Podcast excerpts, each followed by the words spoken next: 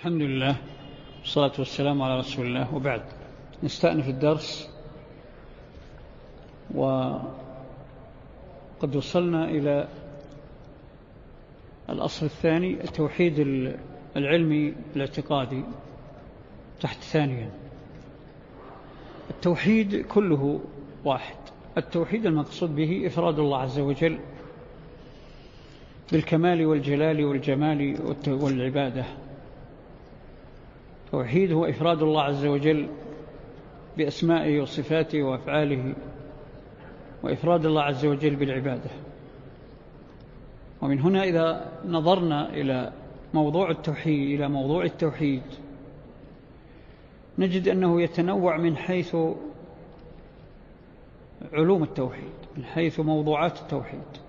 فإذا تأملنا ما يجب لله عز وجل من العظمة والجلال والكمال والجمال.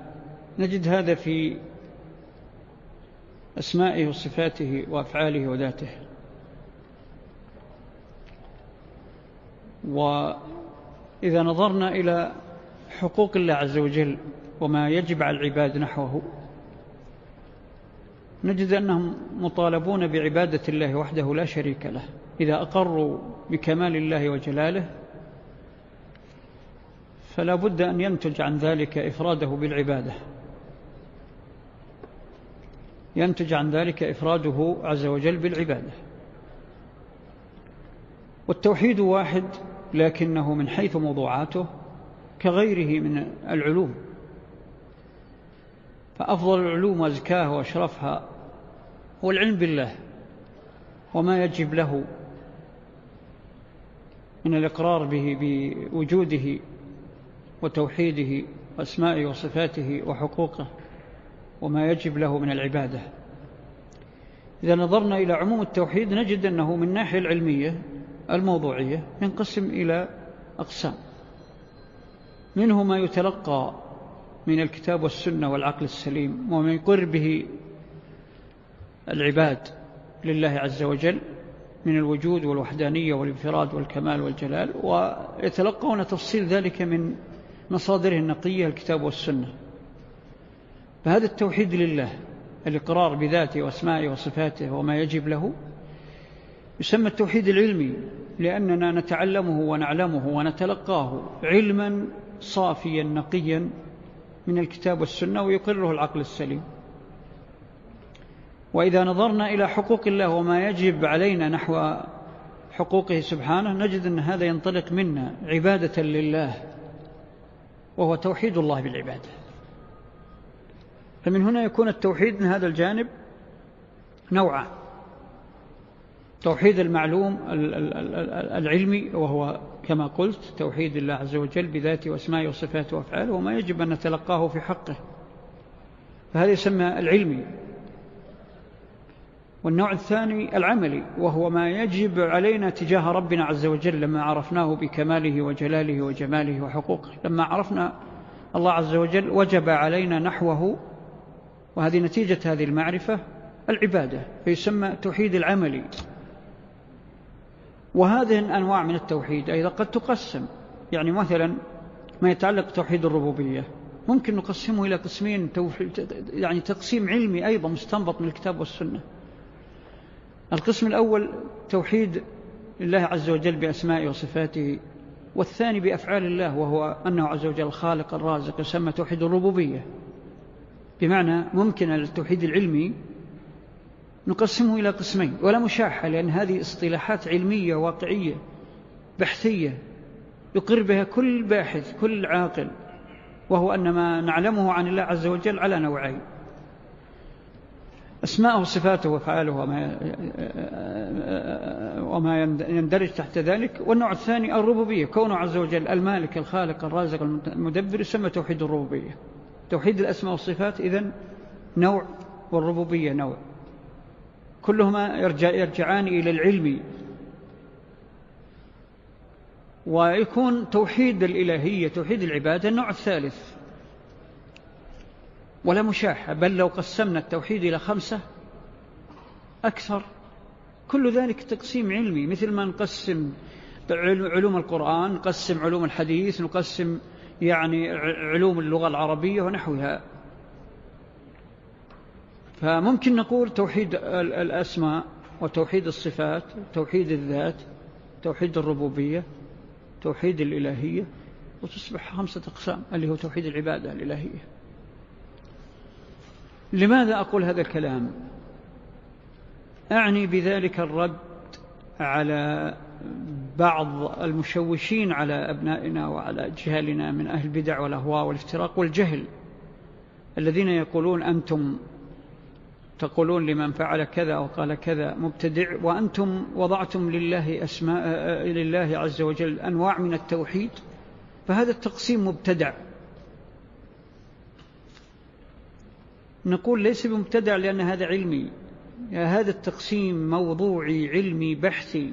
كل من تأمله وجده تقسيم لا يخرج عن مقتضى النصوص. كذلك قالوا إنه أنكم أيضا ابتدعتم شيء اسمه التوحيد والعقيدة. نقول ما ابتدعناها لأن هذا وصف. لا التوحيد ولا العقيدة. وصف لعلم هو أشرف العلوم وهو ما يتعلق بالله. نقول لهؤلاء الذين يزعمون أننا عندما قسمنا التوحيد ابتدعنا أو عندما سمينا التوحيد بالعقيدة أو التوحيد ابتدعنا نقول لهم إذا كنتم تقولون هذا التقسيم بدعة إذا ما تقرون به وتجمعون عليه من تقسيم العلوم الشرعية الأخرى إذا بدعة. من, من ما كان في عهد الصحابة شيء اسمه علوم القرآن. ولا قواعد التفسير وما كان في عهد الصحابة تقسيم للحديث ولا في شيء اسمه علوم حديث. وهكذا بقية العلوم. فإذا كنتم أقررتم بتصنيفات بأنواع العلوم بموضوعات العلوم الأخرى وتعتبرونها هذه من الباب الوسائل وعرض الدين للناس والتجديد في التقعيد والتأصيل لعلوم الشريعة فكذلك من علوم الشريعة بل أعظمها وأزكاها التوحيد. فلماذا تمنون على التوحيد بالتقسيم العلمي وتقرونه في ما يتعلق بالقرآن نفسه وهو المصدر؟ وبالحديث نفسه وهو المصدر. فمن باب أولى أن إما أن تبدعوا الجميع وتعودوا إلى ما لا يخدم القرآن والسنة ويعرضها على الناس بالأسلوب المناسب وإلا أن تقروا بالجميع. إذن هذا التقسيم إنما هو تقسيم علمي موضوعي ليس توقيفي.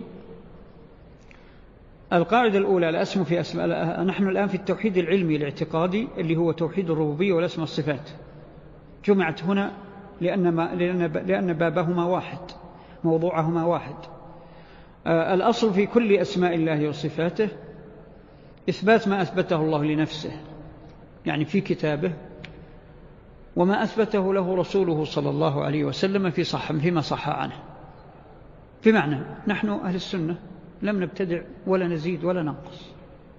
إنما نرجع ديننا واعتقادنا في أسماء الله وصفاته إلى القرآن وإلى ما صح عن النبي صلى الله عليه وسلم.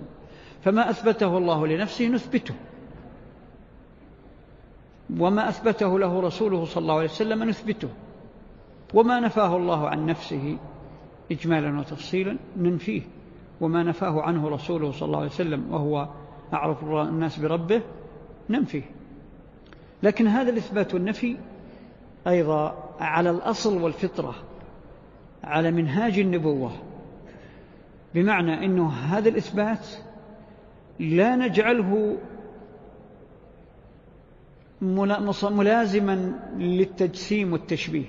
حينما نثبت ونجد أن بعض ألفاظ أسماء الله وصفاته تشابه ألفاظ أسماء صفات وأسماء وصفات المخلوقين فنحن لا نشبه عندما نثبت. لماذا؟ لأن الله عز وجل ليس كمثله شيء بمقتضى القاعدة العظيمة في القرآن. ليس كمثله شيء وهو السميع البصير.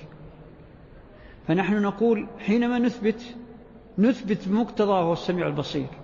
وحينما ننفي التشبيه ننفي ليس كمثله شيء.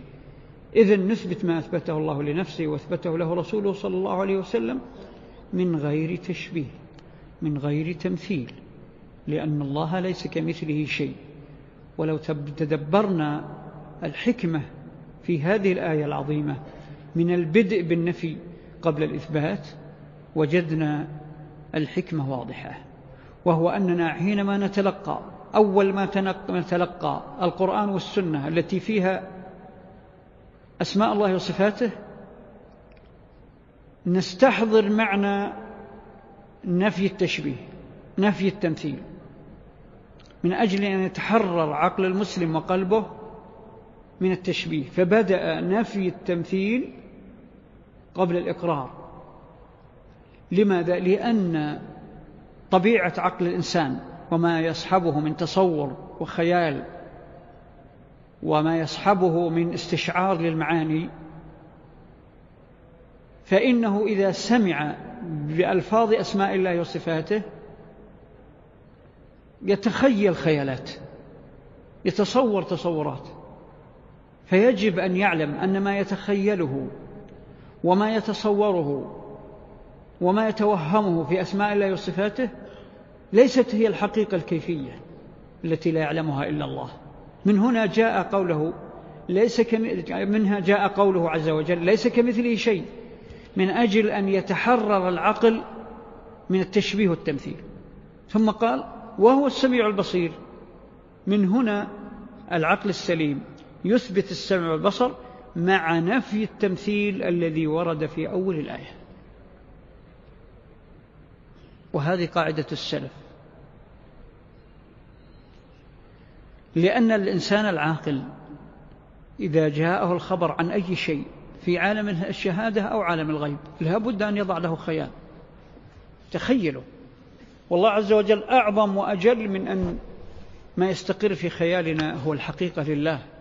بل الله عز وجل له من الكمال والجلال والعظمة والكمال والجمال ما لا يمكن تدركه العقول.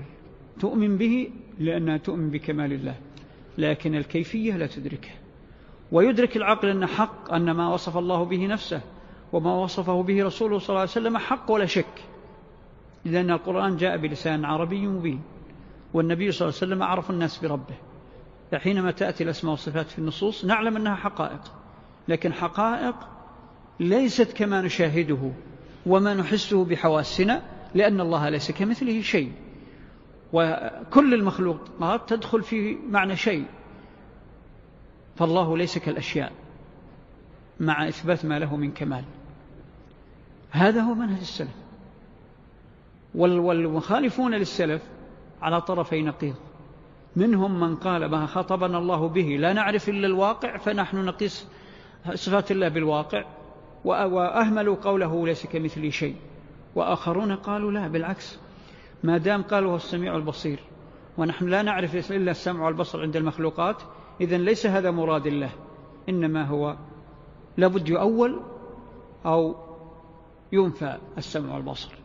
فإما أن يقولوا بأن أسماء الله شكلية وإما أن يكون لها معاني غير التي تتبادر إلى المفهوم العام للمخاطب. والمفهوم العام للمخاطب على نوعين. مفهوم بالقياس بقياس ما عليه الخلق فهذا منفي عن الله. والنوع الثاني تعظيم لله بأن ما جاء عنه حق وهذا هذا الحق كيفيته غيبية وهو يليق بجلال الله. فمن هنا يسلم المسلم من غوائل التمثيل ومن غوائل النفي والتأويل. إذن الأصل في أسماء الله وصفاته إثبات ما أثبته الله لنفسه وما أثبته له رسوله صلى الله عليه وسلم من غير تمثيل ولا تكييف. يعني بمعنى من غير أن نتحكم في الكيفية ونقول هي كذا وكذا لأنه غيب ونفي ما نفاه الله عن نفسه أو نفاه عنه رسوله صلى الله عليه وسلم من غير تحريف ولا تعطيل. التحريف هو التأويل والتعطيل هو الإنكار. قال تعالى كما قال تعالى ليس كمثله شيء وهو السميع البصير. مع الإيمان بمعاني ألفاظ النصوص وما دلت عليه. آه ثانيا التمثيل والتعطيل في أسماء الله وصفاته كفر. التمثيل هو اعتقاد أن الله مثل خلقه أو مثل بعض خلقه. هذا كفر. والمثلية تأتي من الوجهين. تعالى الله. التمثيل يأتي من الوجهين عند الأمم الضالة والفرق الضالة. تمثيل الله بخلقه تمثيل مجمل أو مفصل جزئي أو كلي أو تمثيل الخلق بالله. كل هذا كفر. تمثيل الله بالخلق مثل ما قال الرافضة الأوائل قبل أن تحولوا إلى معطلة. يجسمون الله عز وجل بجسم كجسم المخلوق. تعالى الله. تعالى الله. وهذا مذهب موروث عن الأمم السابقة. وموروث عن المجوس بالذات عن بعض فرق المجوس. فيقولون ما دام الله خاطبنا إذن المعلوم عندنا هو هذه المخلوقات يد كيد المخلوق تعالى الله وجه كوجه المخلوق. وهذا كفر خالص بل من أعظم وأشنع أنواع الكفر بإجماع بإجماع الأمم وجميع العقلة حتى من غير المسلمين. والصنف الثاني الذين استوحشوا بزعمهم من إثبات الصفات زعما منهم أنه لو أثبتوها شبهوا. مع أن الله يقول ليس كمثله شيء. فوقعوا إما في التأويل وهو الإقرار بالمعاني لكن صرفها إلى غير الحقيقة إلى لوازمها. فقالوا مثلا اليد التي ثبتت لله هي النعمة أو هي القدرة. ولم يثبتوا الصفة بذاتها أثبتوا لوازم الصفة ولم يثبتوا الصفة إنما أولوها يعني صرفوها لبعض معانيها أو للوازمها تسمى لوازم. نحن نقول نعم من لوازم إثبات اليد لله عز وجل حقيقة على يليق بجلاله من لوازمها إثبات القدرة. لأن الله عز وجل ذكرنا اليد بمجال في مقام إثبات القدرة والكمال والكرم والعطاء والرزق. نعم هذه من لوازم إثبات اليد لله عز وجل لكنها تثبت على ما يليق بجلاله من غير تمثيل ومن غير تأويل ولا تعطيل. التعطيل هو الإنكار الخالص. مثل إنكار المعتزلة. المعتزلة ينكرون الصفات تماما. يحملونها على معاني بعيدة. ليسوا كالمتكلمة مثل متكلمة الأشاعر المتريدية يؤولون على معاني قريبة من المعنى لكنها من اللوازم وليست هي الصفة.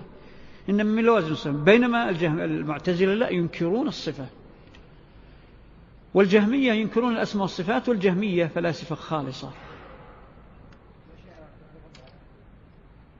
لا لا لا لأتي تفصيل. سيأتي التفصيل. أقول الذين يؤدي موقفهم من الصفات إلى التشبيه يكفرون والذين يؤدي موقفهم من الصفات إلى التعطيل أي الإنكار يكفرون. سواء أنكروا الصفات فقط إنكارا حقيقيا بدون أي تأويل كغلاة المعتزلة أو إنكارا مش شاملا للأسماء والصفات كالجهمية هؤلاء يكفرون. أما المؤولة المحرفة أصحاب التأويل سواء من مؤولة المعتزلة أو مؤولة الأشاعر المتريدية هؤلاء لا يكفرون. هؤلاء ارتكبوا بدعة وخرجوا عن السنة بتأويلاتهم لصفات الله عز وجل. خرجوا عن أهل السنة والجماعة في هذا الجانب واعتبروا من الفرق وأعظم الافتراق هو الافتراق على ما يتعلق بالله. نعم هؤلاء المتكلمة يوافقوننا على أشياء كثيرة من الدين في حقوق الصحابة وفي بعض معاني الشفاعة وفي بعض, بعض يعني الغيبيات وإن كانوا يؤولون الرؤية ويؤولون أيضا أشياء أخرى غير الصفات. لكن المؤول ما استهدف إنكار الحقيقة فلا يكفر. والمعطل استهدف إنكار الحقيقة فيكفر. إنكار, إنكار معاني النصوص. فنعم التقسيم في هذا لابد من, لابد من فهمه لأنه من أورع الناس على الإطلاق من التك... عن التكفير هم السلف بعكس ما يرميهم به بعض النوابت الجديدة. السلف يكفرون ما كفر ما كفره الله ورسوله بالبينات وبانطباق تطبيق شروط التكفير. وانتفاء الموانع ويفرقون بين الكفر العام بالقول والفعل والحكم وبين تكفير المعين هذا سيأتي في مكانه. إذن التمثيل والتعطيل في أسماء الله يعني التمثيل خالص والتعطيل خالص لا شك أنه كفر. أما التحريف وهو التأويل اللي يسميها أهل البدع تأويلا مثل تأويل متكلمة الأشياء الماتريدية فهو فمنه ما هو كفر التأويلات الباطنية لأنها ليس لها يعني ليس لها وجه من وجوه العقل ولا العلم تأويلات الباطنية. ومنه ما هو بدعة وضلالة كتأويلات نفاة الصفات أو مؤول الصفات كما قلت لكم مؤولة الأشاعرة والماتريدية متكلمة الأشاعرة الماتريدية هؤلاء ليس تأويلهم بدعة وليس بكفر. أما تأويلات الباطنية فهي قلب للحقائق. والآن تبينت الباطنية لأن أم الباطنية هي الرافضة. متفرت عنها جميع فرق الباطنية والرافضة امتداد للمجوسية وباطنية اليهود والنصارى. وكل فرقة من الديانات دخلتها الباطنية. والمجوسية فاطنية خالصة. فالباطنية أصلا هي لا تؤمن بجميع أصول الإيمان لكنها تعطيها وجه مقلوب لتبقى تدعي الإسلام. تبقى تدعي الإسلام. فمثل مثل تأويلات الباطنية يؤولون أركان الإسلام وأركان الإيمان بشيوخهم. شيوخهم وإمتهم لا يؤولونها على المعنى الصحيح اللي نحن نؤمن به.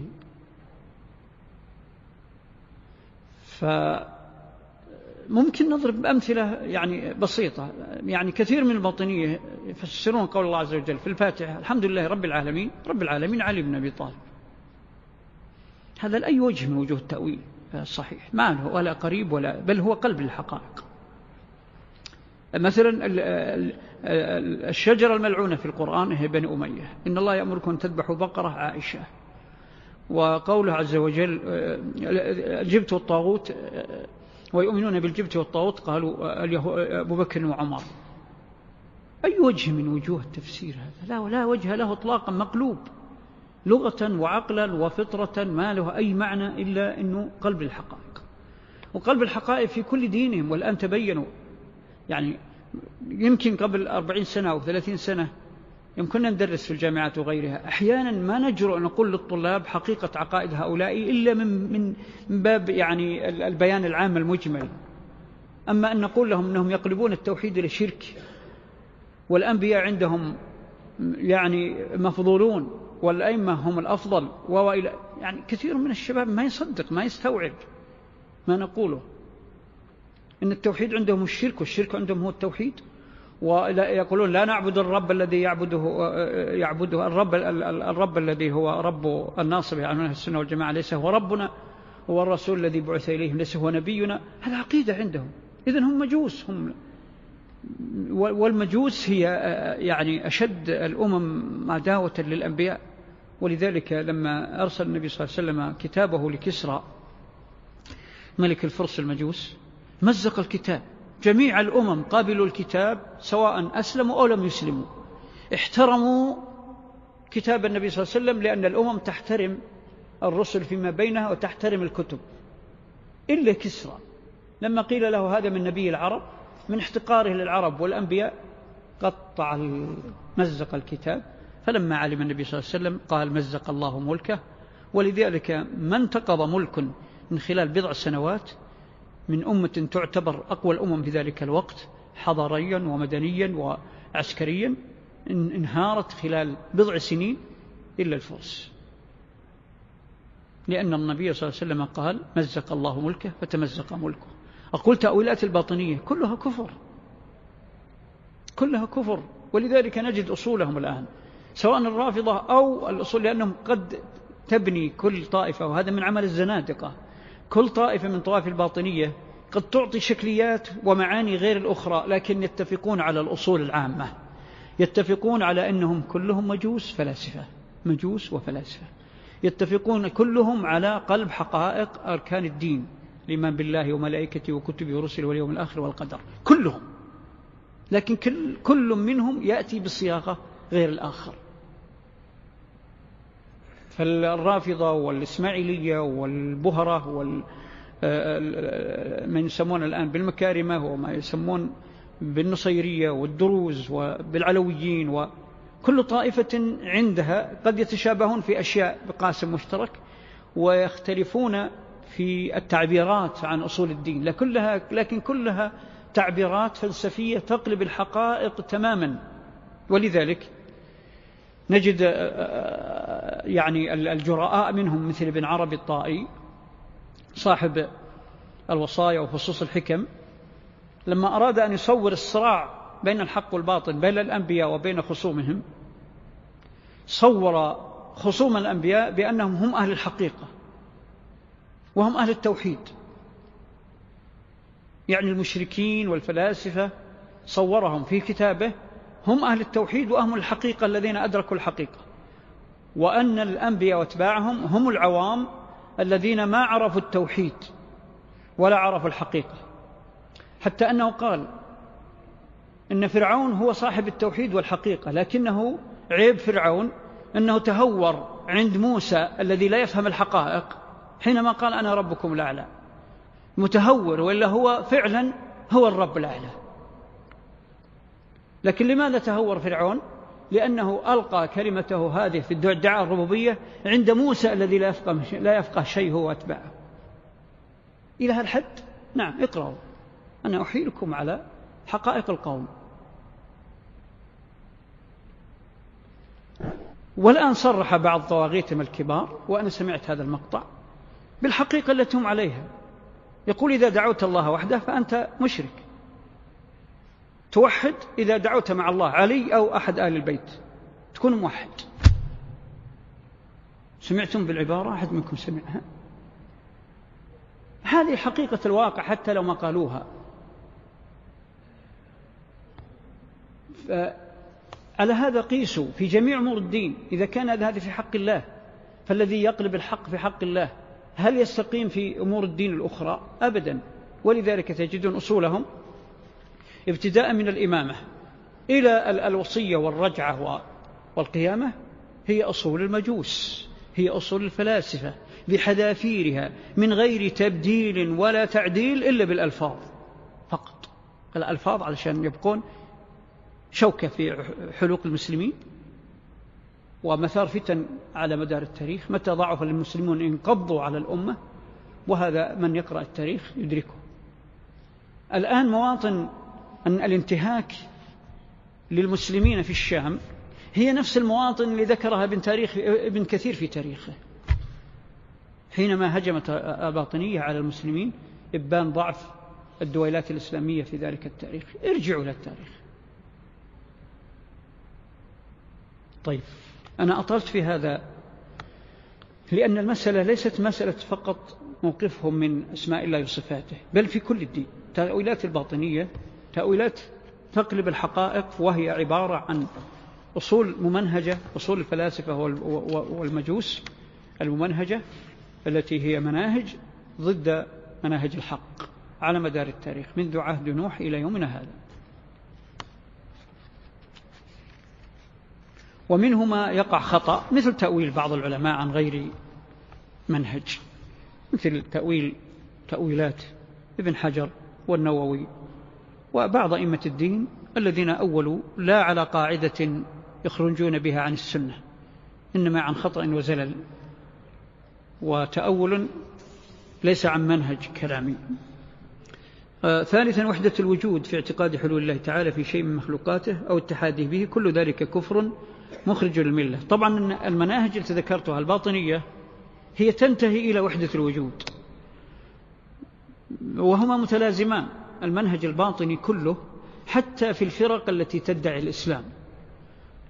غلاتها ينتهون إلى هذا الاعتقاد, الاعتقاد الفلسفي الذي يتمثل بوحدة الوجود والحلول بالاتحاد والحلول ثم وحدة الوجود. وكل الديانات الوضعية هذه التي وضعها الفلاسفة وأيضا الفرق الغالية التي تأثرت بها مثلا غلاة الصوفية ينتهون إلى وحدة الوجود. الباطنية ينتهون إلى وحدة الوجود. ولذلك لا يفرقون بين الخالق والمخلوق. يعبدون المخلوق ويرون هذا يمثل عبادة الخالق. وهو الذي عليه المشركون مشرك الوثنية والأصنام والأوثان. حتى السذج منهم مثل العرب. ينتهون إلى وحدة الوجود إلى الحلول والاتحاد وحدة الوجود. وحدة الوجود هي النهاية. الصوفية الآن يعبرون عن هذا في الآونة الأخيرة بما يسمى عندهم بالإنسان الكامل. ويترجمون هذا بحال الولي. الولي عندهم يمثل الجانب الإلهي الرباني ولذلك عندهم هو يتحكم في الكون. طيب نأخذها مرتبة بتبسيط لأن هذه أمور حقيقة تمرض القلوب. لكن نظرا لأنها عمت بها البلوى بين طوائف المسلمين الإشارة إليها بإيجاز مهمة. أول درجات نزعات الإلحاد عند الفلاسفة تبدأ باعتقاد الحلول. وهذا أول ما يدخلونه على الديانات. فأفسدوا ديانة اليهود بالحلول. وقالوا عزير بن الله تعالى الله. وأفسدوا ديانة النصارى بالحلول. وقالوا المسيح ابن الله تعالى الله. فكانت البداية يقولون حلت فيه روح الله حلت فيه روح من الله لا على المعنى الشرعي لكن على المعنى الوثني. حلت الروح في بعض خلقه. يسمونه هذا حلول. ويزعمون أنه حلول الروح يعني وجود الكيان الإلهي تعالى الله في هذا المخلوق جزئيا أو كليا. أحيانا يرون أن الله حل في الكون كله وهذا مذهب بعض الفلاسفة. فالحلول هو حلول الرب عز وجل أو بعض خصائص الرب في المخلوق أو في بعض المخلوقات كحلول الروح في الجسد. هل وقفوا عند هذا؟ لا. ارتقوا إلى معنى آخر. قالوا لا. يعني معناته أن جعلنا هناك عنصرين منفصلين حل أحدهما في الآخر. فارتقى بهم الشيطان إلى معنى آخر وهو الاتحاد. قالوا اتحد الخالق بالمخلوق ولم يكن مجرد حلول. عنصران اتحدا فصار عنصر واحد. لما خلق الله الخلق حل في خلق اتحد في خلقه. تعالى الله. ما معنى الاتحاد؟ الاتحاد عندهم مثل تكون الماء مع التراب ليكون طين صار عنصر واحد. أو تكون الماء مع الدقيق فيصبح عجين. لا تستطيع أن تفصل بعضه عن بعض. هذا يسمى الاتحاد. ثم ارتقى بهم الشيطان إلى أن قالوا لا حلول ولا اتحاد الوجود هو الله والله هو هذا الوجود. سمى وحدة الوجود. ولذلك عبر ابن عربي لأنه حقيقة ابن عربي مثال واضح لأنه كشف الحقيقة بدون أي مواربة. يعني مثل الحلاج أعطى, أعطى بعض الحقيقة وقال ما في الجبة إلا الله وقتل. ابن عربي قال لا أبدا كل ما في هذا الكون من مفردات الكون هو الله حتى تعالى الله. تعالى الله حتى المخلوقات التي لا يليق ذكرها. يكرم الحاضرون والملائكة والمسجد. لا يليق ذكرها. ما في مانع عنده أن يسميها هي الله. إذن هذه وحدة الوجود. هذا نهاية طبعا ليس بعد هذا الإلحاد إلحاد وليس بعد هذا الكفر كفر. وعليه طوائف من أمم الكفر الآن. بل غالب الأمم في الديانات الوضعية تنتهي إلى أحد هذه الدرجات. أو الباطنية تنتهي إلى الدرجة الأخيرة. والباطنية دخلت في غلاة التصوف والباطنية هي التي عليها الشيعة الرافضة وما تفرع عنها ما عدا الزيدية. أرجو أن تنتبهوا. الزيدية ليست باطنية. الزيدية الشيعة مبتدعة لكن ليسوا زيدية. ويجب أن يفهم هذا. وإن انتمت, انتمت بعض فرق الباطنية للزيدية مثل الحوثيين وكانوا امتداد ل يعني لفرق تنتمي للزيدية بريئة منها فهذه مجرد دعوة أو التحاق غير صحيح. فهؤلاء رافضة أصلا وإن كانوا ازدادوا رفضا في الآونة الأخيرة عندما تربى أبناؤهم في محاضن الحوزات في إيران. طبعا يسمون قديما الجارودية. تعد من فرق فرق الزيدية وتعد من فرق الرافضة. وهي في الحقيقة رافضة لكنها انتحلت الزيدية لأنها في اليمن. طبيعة الفرق إذا استضعفت تنتحل المذهب السائد. من أجل أن تسلم.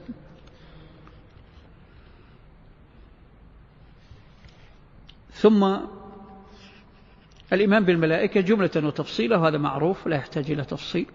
والإيمان بالكتب المنزلة جميعا جملة وتفصيلا. والإيمان بالأنبياء الله عز وجل جملة وتفصيلا على ما ورد في الكتاب, في الكتاب والسنة. ثم السابع السابع القاعدة السابعة الإيمان بانقطاع الوحي بعد محمد صلى الله عليه وسلم. وأنه خاتم الأنبياء والمرسلين ومن اعتقد خلاف ذلك كفر. طبعا يوجد الآن فرق كثيرة تعتقد أن الوحي لم ينقطع. من ضمنهم كثير من الطرق الصوفية ويرى أن الوحي باقي. آه، وإن كانوا قد يعني يستثنون أو يفصلون في بعض معاني الوحي. ويرون أن, أن آه، بعض وسائلهم اللي مثل الكشف والذوق والوجد وأحيانا الأحلام يسمونها رؤى وأحيانا كرامات مخارق يسمونها كرامات يرون أنها يعني من الوحي الباقي وحي التشريع. نحن نقول وحي التشريع انقطع بإجماع ومن اعتقد أن وحي التشريع لم ينقطع فقد كفر لأنه يعني بذلك أن ينفتح للناس شرائع جديدة ويعني بذلك أن النبي صلى الله عليه وسلم لم يبلغ البلاغ المبين ولم تكتمل الشريعة وأن الناس بحاجة إلى نبوة. فالوحي التشريع انقطع. إنما هناك نوع من أنواع الوحي بمعناه اللغوي كالرؤية الصالحة.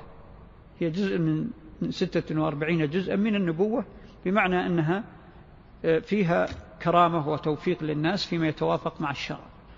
قد يكون بعض أنواع الإلهام والكرامات يعني تشبه الوحي في, في, معناها العام من حيث أنها آه، تكون يعني توفيق خفي سببه. لكن هذا وحي على المعنى اللغوي. أما الوحي الشرعي وحي الدين وحي التشريع فقد انقطع. والإيمان باليوم الآخر وكل ما صح فيه وقبله ومن ذلك أشراط الساعة كذلك من ثوابت الدين. ثم الإيمان بالقدر بالقدر خيره وشره. من الله تعالى وذلك بالإيمان بأن الله تعالى علم ما كان قبل أن يكون وما هو كائن كيف يكون وكذلك كتب ذلك في اللوح المحفوظ وأن ما شاء الله كان وما لم يشاء لم يكن وأنه هو الخالق كل شيء. إذن عندنا في قاعدة القدر أربع مراتب. هذه تجمع أصول القدر ومن استوعبها وتذكرها وتأملها وتدبرها في كتاب الله عز وجل وفي سنة النبي صلى الله عليه وسلم بإذن الله يجتمع في قلبه أصول القدر التي تجعله يستعرض أو يسلم بإذن الله من غوائل الشبهات والشكوك وهي أربع مراتب.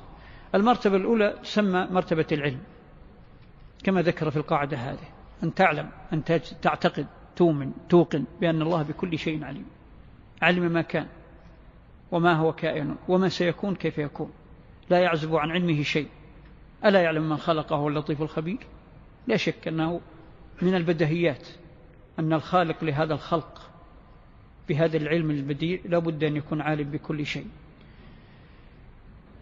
ثم الكتابة. المرتبة الثانية تعتقد وتجزم بأن الله كتب مقادير كل شيء. ولا شك. الله عز وجل أمر القلم بأن يكتب. قال ما أكتب؟ قال اكتب مقادير كل شيء. ثم الثالثة المشيئة. بأن تعتقد بأنه ما شاء الله كان وما لم يشأ لم يكن وأنه لا يكون شيء إلا بمشيئة الله بما في ذلك أفعال الخلق أفعال المخلوقين فكل شيء بمشيئة الله. ما شاء الله كان وما لم يشاء لم يكن الرابعة والأخيرة. أن تعتقد أن الله خالق كل شيء. الله خالق كل شيء ولا شك. طبعا قد يقول قائل لماذا وهذه البدهيات نقول لأن أهل الأهواء بما فيهم القدرية الأولى قدرية المجوس والمجوس المجوس قدرية. ثم قدرية اليهود والنصارى والأمم. لأن القول بالقدر من أسهل أبواب الشيطان على بني آدم. والضلال في القدر هو بداية الضلال في كل الأمم. لأنه ينبني على إغراء ينبني على إغراء الشيطان لبني آدم في التفكير في القدر من غير أهلية ولا قدرة بلا تسليم. فمن هنا نجد أن أغلب الأمم فيها فرق قدرية. بما في ذلك اليهود والنصارى والمجوس كلهم قدرية. كلهم قدرية. كل فرق المجوس قدرية. لا يستثنى منهم إلا النادر والنادر لا حكم له. أما الأمم الأخرى فإن القدر مذهب دخلهم مثل ما دخل على المسلمين. القدر اللي هو الخلل في القدر. وهذا من الألفاظ التي تستعمل مقلوبة. يعني المفروض أن الذي يؤمن بالقدر هو اللي يسمى قدري. لكن عكست لأن الخوض في القدر عكس الأصل فسمي القدرية قدرية. وهذا مثل التكفير. التكفير هو الأصل يعني تكفير ما كفره الله وكفره رسوله صلى الله عليه وسلم هو الأصل. لكن سمي الغلو في التكفير لأنه خروج عن الأصل فاشتهر به الإطلاق. على أي حال هذه المراتب الأربع سيأتي شيء من تفصيلها في باب جديد في هذا المقام بعد قليل إن شاء الله.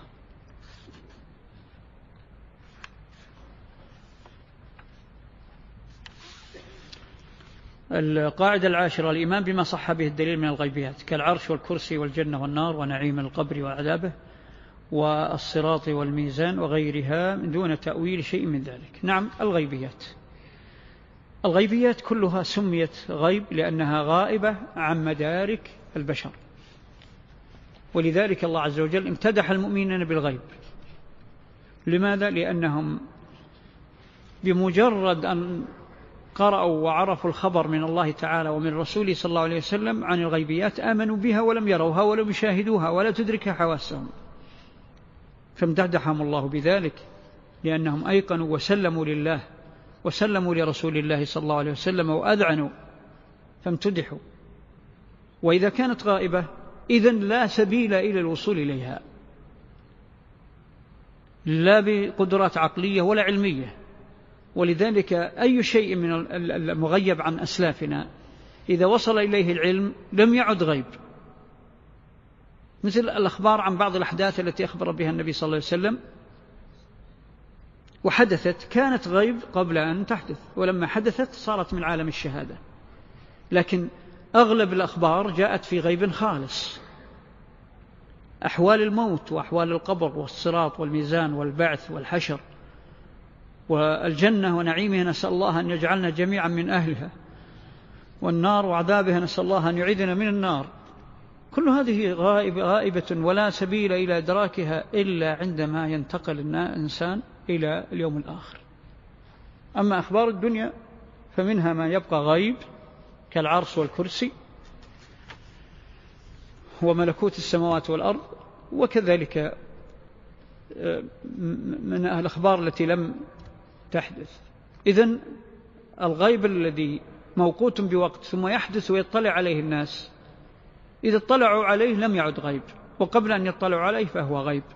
النبي صلى الله عليه وسلم أخبر بأن عليا تقتله الفئة الباغية. ما عرف الصحابة ذلك إلا عندما حدث ذلك.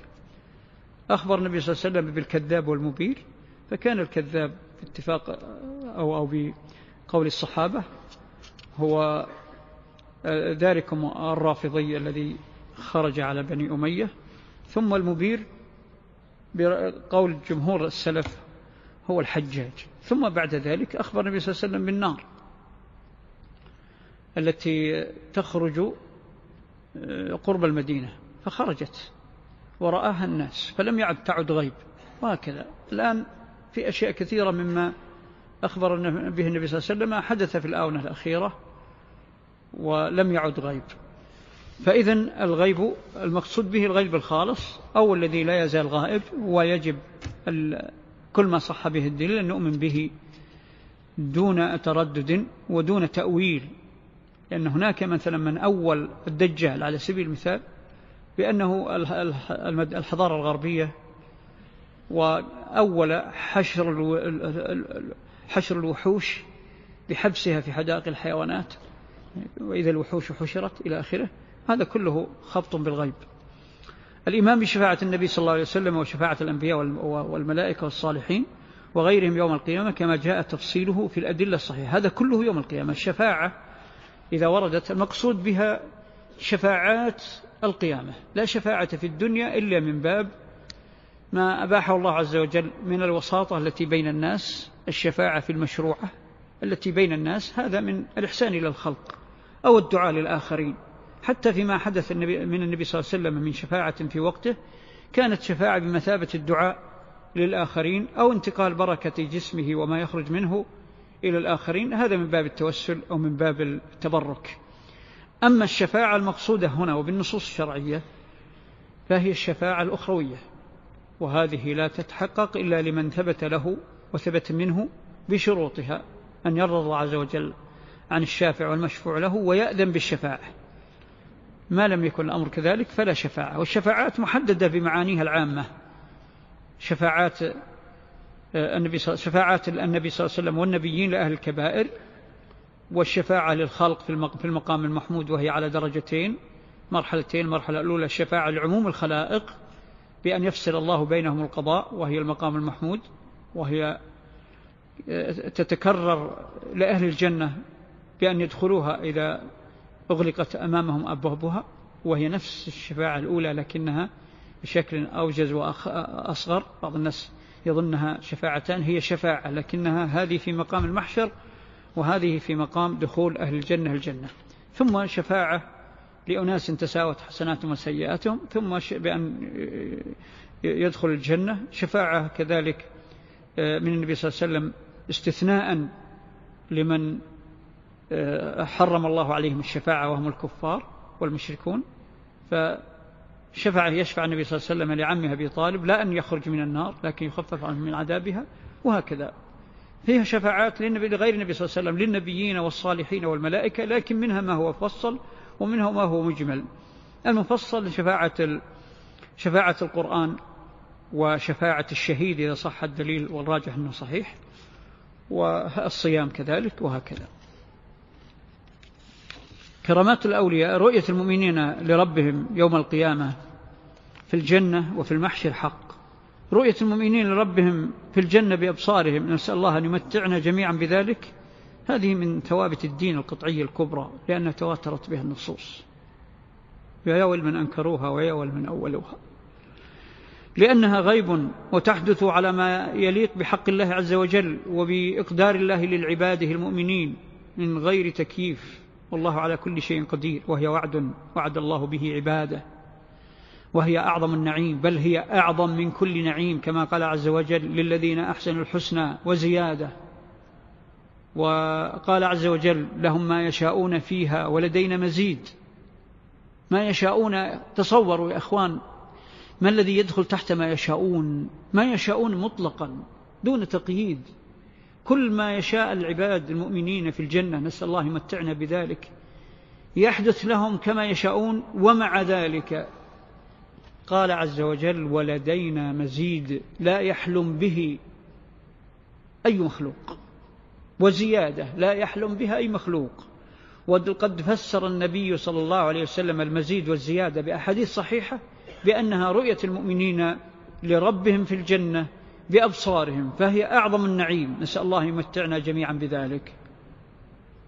ويا خسارة من أنكر أو أول. من أنكر أو أول. أما من أنكر فيكفر. النوع هذا من الرؤية. من أنكر رؤية المؤمنين لربهم في الجنة فقد كفر. لكن من أول يخشى أن يحرم منها. الذين قال قالوا يرونه إلى غير جهة. كيف يرونه إلى غير جهة؟ ومن قال لكم غير جهة هذه منين جبتوها من جيوبكم. لماذا تتحكمون على الغيب؟ الجنة غيب والرؤية غيب على ما يحدث في الدنيا. كلمة جهة هذه كلمة فلسفية يا أخوان ممرضة هذا من كلام الأشاعرة والماتريدية يقولونه إلى يقولون يرونه إلى غير جهة إلى لا جهة. يا جماعة إيش ورطكم بالجهة؟ قولوا يرونه بس. كما يليق بجلاله.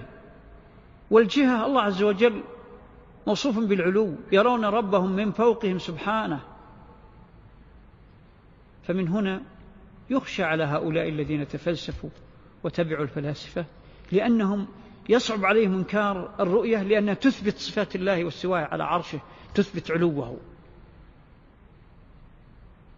يصعب عليهم إثبات الرؤية كما ثبتت ويصعب عليهم إنكارها لأنها تواترت بها النصوص.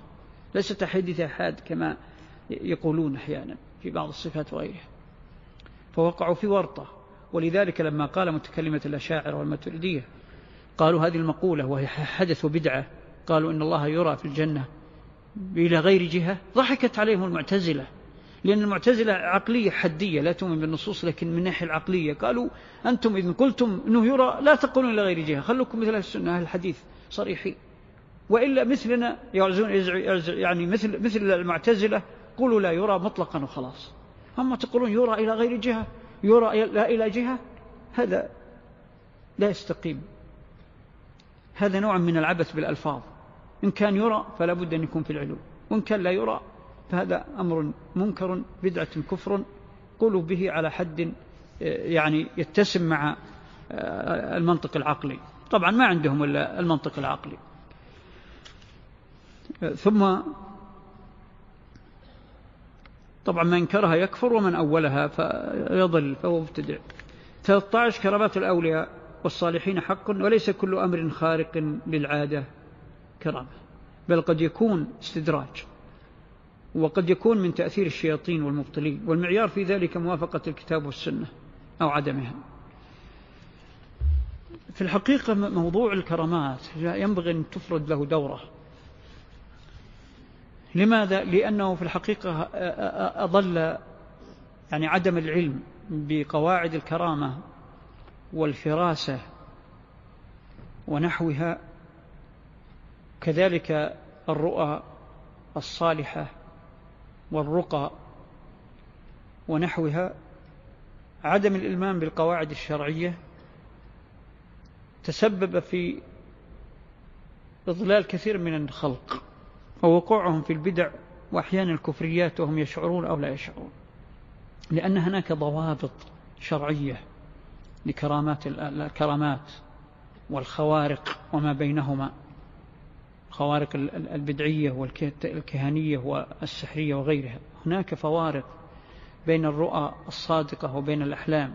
هناك فوارق بين الإلهام الحقيقي والتحديث وبين وحي الجن والشياطين. عدم التفريق من هذه الأمور أوقع الكثيرين خاصة في هذا العصر. من الفضلاء فضلا عن غيرهم من طلاب علم وغيرهم. خاصة في مجالات الرقية مجالات التداوي ومجالات تفسير الأحلام. أنا أرى الانحراف يزداد ويضل به كثير من العامة بسبب وجود بعض طلاب العلم تورطوا فيما يخرج عن السنة وهم لا يشعرون.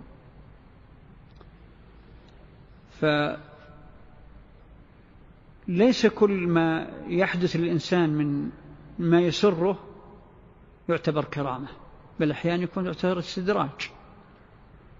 والفارق هو موافقة الكتاب والسنة والضوابط الشرعية في عدم الغرور بالشيء وعدم أيضا وجود لبس أو التباس عدم تأييد للظلم أو تأييد لمنكر أو وقوع في ظلم في في آه، حبائل إيحاء الجن وما أكثره عند الرقاة. تعبث بهم الجن وهم لا يشعرون. أو إيحاء الشياطين. لكن هذا لا يكون إلا عند الكهنة والسحرة. أما عبث الجن فهو الأغلب. فيظهرون للناس من خلال الرقية أو من خلال تفسير الأحلام ويعبثون بعقول الرقاة ومفسر الأحلام وهم لا يشعرون. وكثير مما ترونه من بعض التصرفات الغريبة العجيبة التي لا تستقيم شرعا وهم لا يشعرون من بعض الرقاة ومن بعض مفسر الأحلام هي من إيحاء قرنائهم قرنائهم الذين معهم. ولو اتسع الوقت لذكرت لكم نماذج كثيرة في هذا. يدخلون تحت الكرامات. فليس كل أمر خارق للعادة كرامة وليس كل ما يشفى به الإنسان يعتبر كرامة. وإن كان بعض وسيلته مشروع بعض وسيلته مشروعة لكن أحيانا ينتهي إلى أمر غير مشروع. ليس ما يكون فيه تحقيق طلب أو علاج مشكلة أو التفريج في معضلة أو نحو ذلك يكون طريق مشروع. حتى وإن كان عن طريق الرقية ما لم يكن الوسيلة مشروعة. أو كان عن طريق تفسير الأحلام ما لم تكن الوسيلة مشروعة. أرجو الرجوع إلى أصول أهل العلم والقواعد المعتبرة شرعا في مثل هذه الأمور. لأن عبث الجن كثر لا سيما مع مستجدات العصر وكثرة الضغوط النفسية والفتن وال والأحوال الغريبة على الناس والأفكار ومستجدات الحياة التي الآن لا سيما وسائل وسائل الإعلام التي الآن غذت عقول الناس وقلوبهم على أصول غير شرعية فكثر وضعف عندهم الإيمان وقل الورع وكثرة الاضطرابات والبعد عن دين الله وعن شرعه والناس لا يشعرون فكثرة الأمراض النفسية ومصائب الدنيا وكثرتها مشاكل البشر فيما بينهم كثرة الضغوط والأمراض النفسية مما مع الغفلة عن ذكر الله وشكره ومع قسوة القلوب مما جعل الكثير من المسلمين اليوم يلجؤون إلى هذه المتنفسات التي كثير منها يقع في المشكلات ويقع في الأخطاء الشنيعة. الرقى. الرقى حق وعلاج. لكن لها ضوابطها. تفسير الأحلام أيضا حق لكن له ضوابطه. مما جعل الجن تعبث بالناس اليوم. خاصة من خلال قرناء الناس سواء الرقاة أو المعالجين. أصبحت الجن تعبث في كثير من هذه الأحوال. إذا فقد يكون هذا الأمر الخارق أو هذا الغريب أو يكون به أحيانا شفاء وفرج قد يكون استدراج وقد يكون من تأثير الشياطين والمبطلين. والمعيار في ذلك موافقة الكتاب والسنة أو عدمها. مرة وقفت مع أحد الشباب متحمس لطريقة معينة من طرق الرقية الطرق التي تخرج عن حد الشرع. جلست معه قلت هذا دجن. يعني صعبت عليه. هو طبعا يستدل على أنواع أمراض الناس الذين يقرأ, عليه يقرأ عليهم بأنواع من الحركات مختلفة. كأن يقول مثلا ضع يديك على ركبتيك. وستلاحظ يقول للمريض ستلاحظ حركات في الأصابع. أنتم خلوكم معي عشان تعرفون كيف وصل إلى نتيجة خاطئة باستدراج الجن. فيقول إذا شرعت أقرأ تحرك الأصابع بحسب نوع المرض سحر أو عين أو مرض نفسي أو أو إلى آخره. فقد يكون يلتف إصبع على أصبع أو تلتف الأصابع بعضها على بعض أو تفترق الأصابع. أو تلتوي يلتوي إصبعين أو ثلاثة. قلت له طيب إذا جئت إنسان ما علم ما أخبرته بالخبر ما قلت له أصابعك ستلتوي هل يحدث ذلك؟ قال لا. طيب. هذه الحركة منين جبتها؟ قال بالتجربة. قلت من هنا مربط الشيطان وليس مربط الفراس من هنا مربط الشيطان. التجربة ليست هي الدليل أو الحكم. أكثر الذين فتنوا من خلال استعمال وسائل غير مشروعة في الرقية أو في تفسير الأحلام قالوا بالتجربة. التجربة من عبث الجن. قبل كم سنة شاع عند الناس أن سحرة دجالين ويظنونهم الناس من المحسنين وهم من الشياطين سوون يعملون عمليات جراحية وهم ليسوا أطباء وبدون جراحة ظاهرة. مرارة بنكرياس كبد. وشاع عند الناس وظنوا هذا نوع من يعني العلاج الطبيعي ونحو ذلك. وهذا من عبث الشياطين.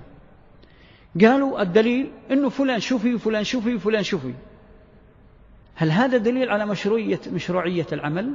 كون الإنسان شفي أو المريض استفاد هل يعني ذلك أن العمل مشروع؟ المشرك كان يدعو الصنم فيشفى. وإلى الآن اسألوا بعض الذين عند عباد القبور. يلجؤون إلى غير الله فيبتليهم الله عز وجل. ويستفيدون. أو يدفع عنهم ضر أو يجلب لهم نفع. لكن من تسليط تسليط الشياطين عليهم والجن ويخسرون عقائدهم. يقول لي أحد أنصار السنة في السودان توفي قريبا رحمه الله.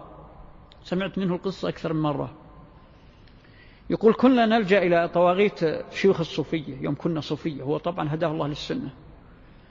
يقول أمر عجب. يقول فعلا علقنا قلوبنا بغير الله فكنا إذا زرعنا بدون إذن الشيخ وبدون نعطيه فلوس يخرب الزرع.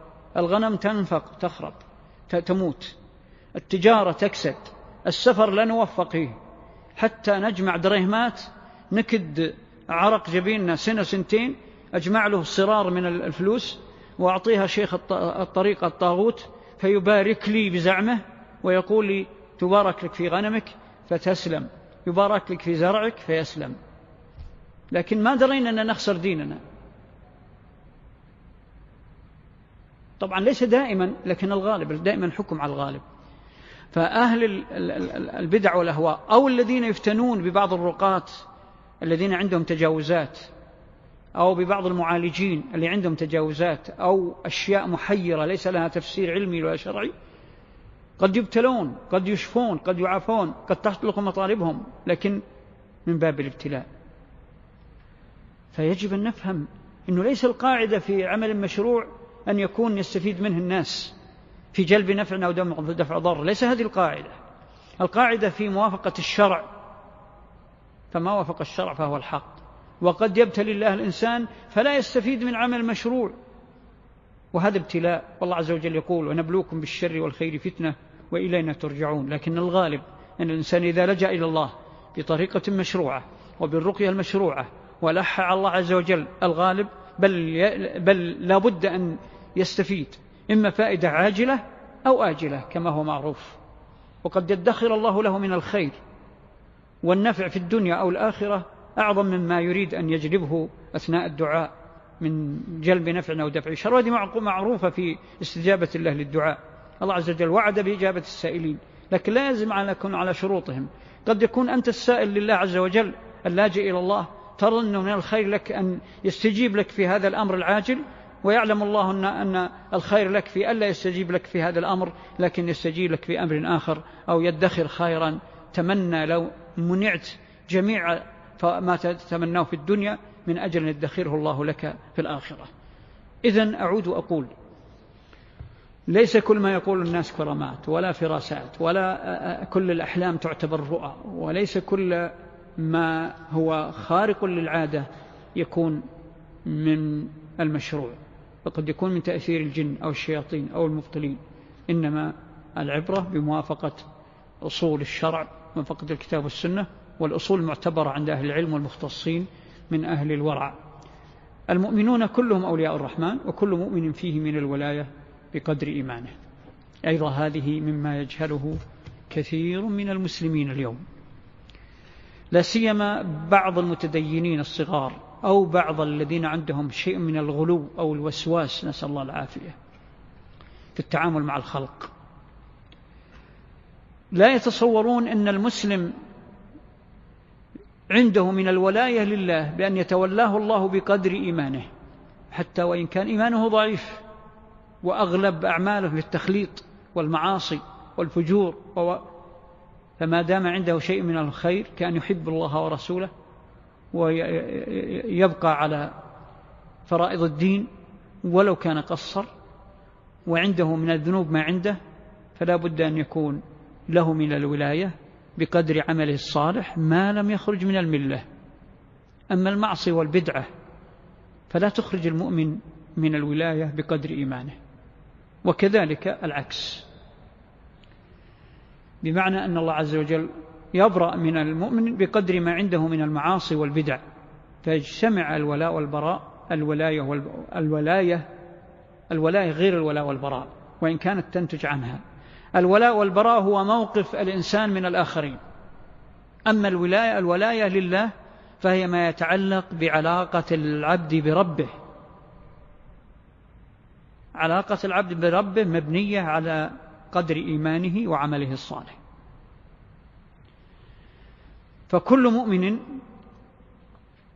له من الولاية لله بقدر إيمانه وإن قل.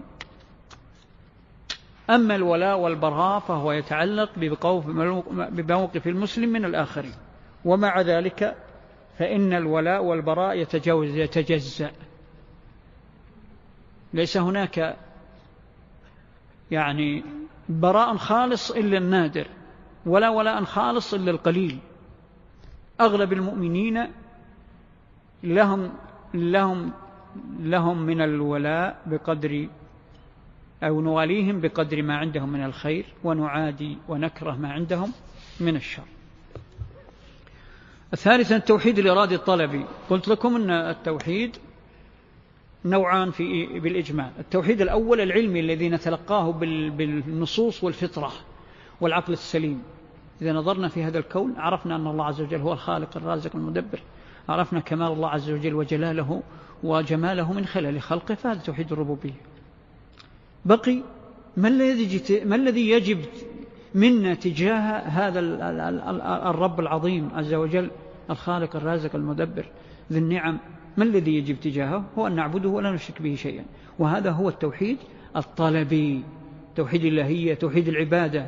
سمي إرادي لأننا نريده لأننا نريد به وجه الله. سمي طلبي لأننا نطلبه من الله بالدعاء والعبادات. آه، سمي ألوهية لأننا نتأله لله به والتأله هو العبادة. التأله هو العبادة. له قواعد باختصار أولا الله تعالى واحد لا شريك له في ربوبيته هذا هو الأصل. ننطلق من الأصل وألوهيته وأسمائه وصفاته فهو رب العالمين المستحق وحده لجميع أنواع العبادة. ثانيا صرف شيء من أنواع العبادة لغير الله شرك. كالدعاء والاستغاثة فيما لا يقدر عليه إلا الله والاستعانة فيما لا يقدر عليه إلا الله الاستعانة بغير الله والاستغاثة بغير الله فيما لا يقدر عليه الله وذا كذلك النذر النذر النذر عبادة لا يجوز إلا لله. كذلك ذبح ذبح ذبح العبادة ذبح القربة لا يجوز إلا لله. الذبح من الأنواع التي يجب أن نفصل فيه. فذبح الإنسان للأكل وللضيف والواجبات الأخرى مثل يعني الحقوق التي يذبح بها من غير تعبد ولا قربة هذا يعني لا دخل له في أن يكون عبادة خالصة لكن بالنية يكون عبادة ويجب أن تسميه لله إلى آخره.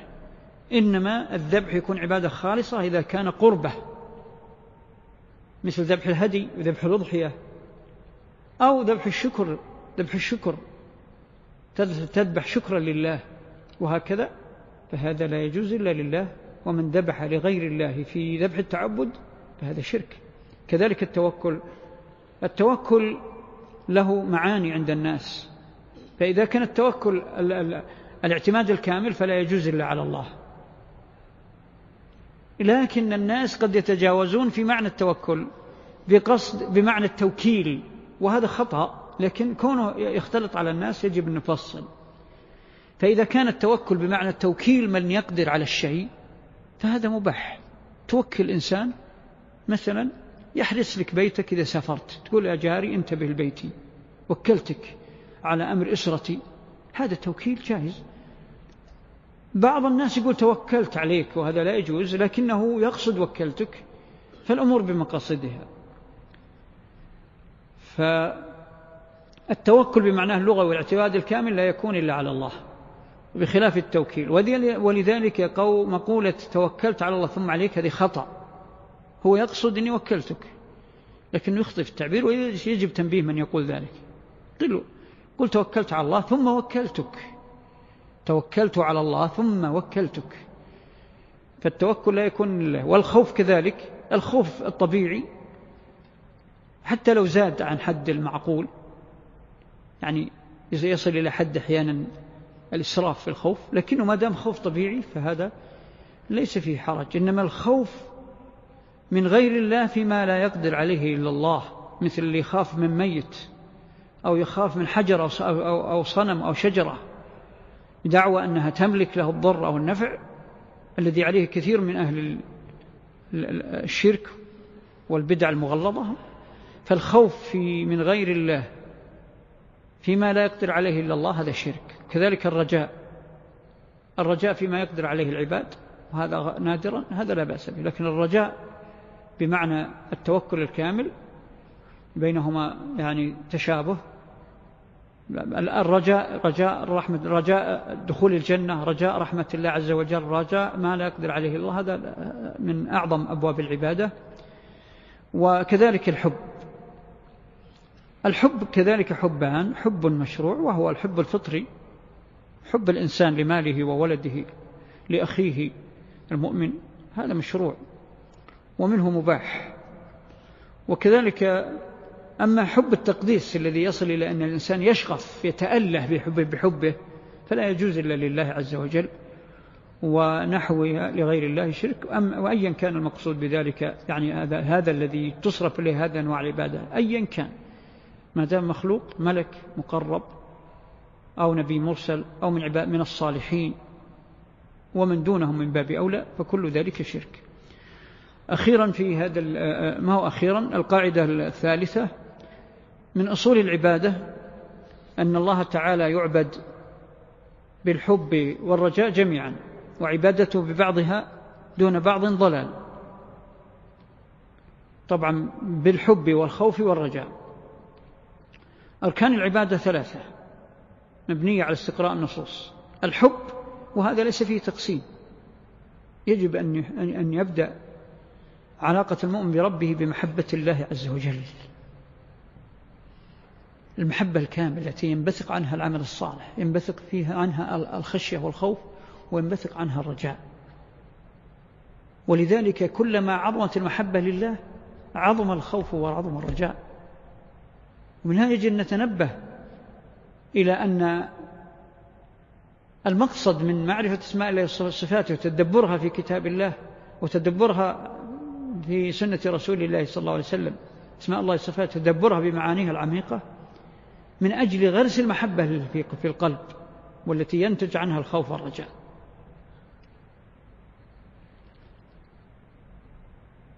هذه قد تتفاضل المحبة لا دخل لها بالمفاضلة. المحبة له هي الأصل هي, هي, هي القاعدة التي ينبت منها الخوف والرجاء. المحبة لا تفاضل إنما يبقى الترجيح والمفاضلة بين الخوف والرجاء. فمن زعم أنه يعبد الله خوفا منه دون أن يعول على الرجاء مطلقا كغلاة العباد غلاة المتصوفة وبعض غلاة الخوارج فهذا كفر. لأنه لم يكن عنده رجاء لله. يئس من رحمة الله واليأس من رحمة الله كفر. والعكس كذلك من عبد الله بالمحبة قصدي من عبد الله ب يعني الرجاء فقط دون اعتبار للخوف والزجر فهذا أيضا يكفر. هناك من يلغي المحبة والرجاء ويعبد الله بالمحبة فقط وهذا كذلك كفر. كما قال أحدهم لا أعبدك رجاء جنتك ولا خوف من نارك. يقصد أنه لا يعبد الله إلا بالمحبة. فإذا ألغى أي اعتبار للخوف أو الرجاء فقد كفر. لكن يبقى التغليب بين الخفاء إذن أعود وأقول من عبد الله بالمحبة فقط فقد كفر. من عبد الله بالرجاء دون اعتبار للخوف فقد كفر. من عبد الله بالخوف دون اعتبار للرجاء فقد كفر. إنما تبقى الترجيح بين الخوف والرجاء. قد يغلب جانب الخوف إذا كان لهذا موجب. لكن إذا كان من غير موجب فهو بدعة. قد يغلب جانب الرجاء لغير موجب فهذا بدعة وضلال. لكن إذا كان لهذا موجب وهو قليل فقد يسوغ الاستثناء يعني بمعنى إذا رأينا إنسان منهمك في المعاصي والفجور فنغلب عليه جانب التخويف لعله يرتدع. وكذلك لو رأينا إنسان عنده نوع من الوسواس أو نوع من الأوهام من الخوف الذي يزيد عن حد المعقول وإن كان عنده رجاء لله لكن رجاؤه ضعيف. فهذا العكس العكس. إذا وجدنا إنسان مثلا عنده غرور في المعاصي وغرور في ربما ما استقامت عندي. أقول إذا, إذا وجدنا إنسان عنده شيء من يعني ضعف الرجاء لله نجنب عليه يعني جانب الرجاء ليقوى رجاءه في الله. يعني مثلا الإنسان اللي يحتضر عند الموت قد يكون مبتلى بمعاصي وكذا وكذا فيغلب على ظنه اليأس أو الخوف. فنذكره بأنه مؤمن وأنه سيموت على شهادة الله إلى محمد رسول الله ونغلب عنده جانب الرجاء لئلا يموت يائسا. والعكس كذلك. بقي التسليم. هذا سبق الكلام عنه بإجمال وهنا فيه نوع من التفصيل. التسليم والرضا والطاعة المطلقة لله عز وجل ولرسوله صلى الله عليه وسلم من أعظم قواعد العبادة لله. والإيمان بالله تعالى حكما من الإيمان به ربا وإلها. يعني لا نفرق بين الربوبية والألوهية فلا شريك له في حكمه وحكمه حكم الشرع والقدر. ولا في أمره الأمر الشرعي والقدري. ومن هنا يتفرع عن هذه القاعدة قاعدة عظيمة تشريع ما لم يأذن به الله أو التحاكم إلى الطاغوت واتباع غير شريعة محمد صلى الله عليه وسلم وتبديل شيء منها كفر هذا في الأصل. ومن زعم أن أحدا يسعه الخروج عنها فقد كفر. هذه قواعد مجملة تحتاج إلى تفصيل فيما بعد. من تفصيلها أن الحكم بغير ما أنزل الله. الأصل فيه بهذا الإطلاق أنه كفر أكبر هذا الأصل. لكن قد يكون فسق وقد يكون كفر أصغر قد يكون ظلم. يعني بمعنى قد يكون كفر أكبر وقد يكون كفر دون كفر. فالأول يعني الحكم أن يكون الحكم بغير ما أنزل الله كفر أكبر كفر أكبر كفر أكبر إذا التزم غير شرع الله التزاما عاما مجملا عن قصد وليس هناك أي عذر ولا توجد موانع من تحكيم شرع الله ولا ولم تطبق الشروط التي يأتي ذكرها. أعني من حكم بغير ما أنزل الله متعمدا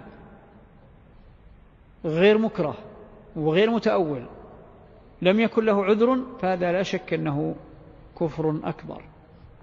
تأتي مسألة تطبيق قواعد التكفير. هذه تأتي عند التفصيل.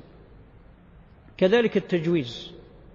من أباح للناس أن يحكموا بغير شرع الله مطلقا فقد وقع في الكفر وشرع الكفر. الثاني من أنواع الحكم بغير ما أنزل الله العدول عن شرع الله في واقعة معينة لهوى مع الالتزام بشرع الله. هذا الذي قرره السلف. لكن في العصور المتأخرة وجدت صور ونوازل لم تكن معهودة عند السلف. فهل تلحق بهذه القواعد التفصيلية أو تلحق بالقاعدة العامة ثم تطبق موانع التكفير وشروطه؟ هذه مسألة تزال بين أهل العلم محل خلاف أكثر أهل العلم وجمهورهم يأخذون بهذا الأصل أن الحكم بغير ما أنزل الله كفر لكن قد يكون كفر دون كفر إذا كان في واقعة معين عن هوى وإذا كان عن إكراه وإذا كان عن تأول أو التباس إلى آخره من الموانع التي قد تزيد وقد تنقص بحسب أحوال الناس. وهذا هو الذي تقتضيه قواعد الشرع. وينطبق على الواقع في تفصيلاته. الواقع أن الأمة ابتليت بتحكيم دساتير وأنظمة في العالم الإسلامي. أغلب بلاد المسلمين ابتليت بدساتير وأنظمة. وضعها الاحتلال. أو من ساروا على مناهج المحتلين. وقد تجدد لكن تجدد إلى غير إلى غير الرجوع الكامل للكتاب والسنة. معنى أنه كثير من الدساتير والأنظمة في العالم الإسلامي عدلت لكن تعديلات جزئية أشبه بالترقيعات. ثم أن بعض واضع الأنظمة مع الأسف تسبب في وجود يعني التسويغ لبعض القوانين الوضعية بطريقة ملبسة على غير مختصين. فمثلا بعض المشرع القوانين المتأخرين خاصة الذين شرعوا للقانون المصري مثلا أو أيضا دساتير بعض دول الخليج قرأنا أنهم يقولون أنه هذا الدستور لا يخرج عن فحوى الشرع وقواعد الشرع العامة. ثم نجده يسقط حدود الله.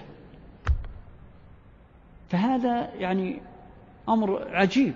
كيف تقول أنت القانوني صاحب الدستور أني أنا مسلم وأرى أن هذا الشرع أن هذا القانون لا يخرج بمجمله عن قواعد الشرع وفحوى القواعد الشرعية في حين أنه فيه إسقاط لقواطع الشرع وما عليه الإجماع. مثل إباحة بعض صور الزنا نسأل الله السلامة والعافية إباحة الربا إباحة أو, أو إلغاء الحدود. الحدود الشرعية الثابتة بالكتاب والسنة. فمن هنا يقع الإشكال وتأتي المعاذير على الحكم على الناس بأعيانهم. قد نحكم بأن هذا القانون والوضع والحكم بغير ما أنزل الله وما عندنا شك عن المختصين في العلوم الشرعية. لكن يأتي الحكم على الذين يطبقون سواء حكام أو من دونهم من المسؤولين أو مؤسسات أو أفراد. هذه محل يعني إشكال ومنها ما هو محل اتفاق بين المعتبرين من أهل العلم. محل اتفاق بين المعتبرين من أهل العلم أنه يجب أن نفرق بين الحكم من حيث أنه كفر وبين من يفعله أو يقره. أقول الكثير من طلاب العلم والمتعجلين أنهم يخطئون خطأ فادحا حينما يتعجلون في التكفير بسبب هذه الأنظمة. ولأضربكم بعض الأمثلة التي عايشناها من الواقع. نعرف بعض الحكام فيما يظهر لنا والله أعلم أنهم أعلنوا عدم رضاهم بهذه القوانين وأنهم مستعدون لتغييرها لكن لا يقدرون إلا بالتدرج. أنا أعرف اثنين من هذا الصنف. أحدهما الرئيس الباكستاني الأسبق ضياء الحق. كان رجلا من خيار الصالحين. فيما يظهر لنا والله أعلم. عزم على أن يعيد البلد إلى حكم إلى دستور إسلامي خالص. طبعا دستور الباكستاني نوعا ما فيه يعني قرب من الشريعة. لكنه لما عزم لم يتمكن وقتل. لماذا قتل؟ الله أعلم. الثاني حاكم الكويت. الشيخ جابر لما انتهكت الكويت وانتقلت الحكومة إلى الطائف كان من ضمن يعني ما حدث أن المشايخ ومن ضمن الشيخ بن باز رحمه الله كان زار. أو زاره الشيخ جابر أكثر من مرة. حصل بينهما لقاء وكان يذكره بالله ويقول إن تحررت بلدك فأعط الله عهدا. هذا معنى الكلام أن تطبق شرع الله. فوعد خير. ولما وصل الكويت سجد لله شكرا بالمطار ثم حسب ما أعلم من الذين حوله من بعض المشايخ في الكويت أنه كان عزم أن يحول الدستور الكويتي كله إلى ما يتوافق مع الشريعة. وبدأت لجنة أعرف أكثر أشخاص الآن. لكن حدثت عراقيل وشكل لجنة للتحول من الدستور اللي فيه جوانب وضعية إلى أن يكون يتوافق مع الشريعة واللجنة إلى الآن تشتغل ومعروفة بأشخاصها. لكن وجدت عراقيل داخلية وخارجية خارجية. والرجل مات لقي ربه. فهذا فيما يظهر لنا ممن عزم على تحكيم شرع الله. لكن الأوضاع والظروف تجعله تحت الإكراه. تجعله تحت العجز عن تحقيق الرغبة بالقدر الذي هو يتمناه. والله أعلم بأحوال الخلق. فهذا ليس تبرير للحكم بغير ما أنزل الله. هذا نقول احتياطا للذمة في مسألة الحكم على الأشخاص والدول فقط. فالإكراه موجود والتأول موجود والجهل موجود والضعف والاشتباه موجود والدساتير الأنظمة الكفرية موجودة لكن يبقى كيف نخرج من إبراء الذمة في الحكم على الأشخاص؟ أما الحكم على الأحوال فأمره يسير وسهل وعلماءنا لهم حكم واضح على الأحوال والأوضاع. ونقف عند هذه القاعدة وصلى الله وسلم وبارك على نبينا محمد وعلى آله وصحبه أجمعين.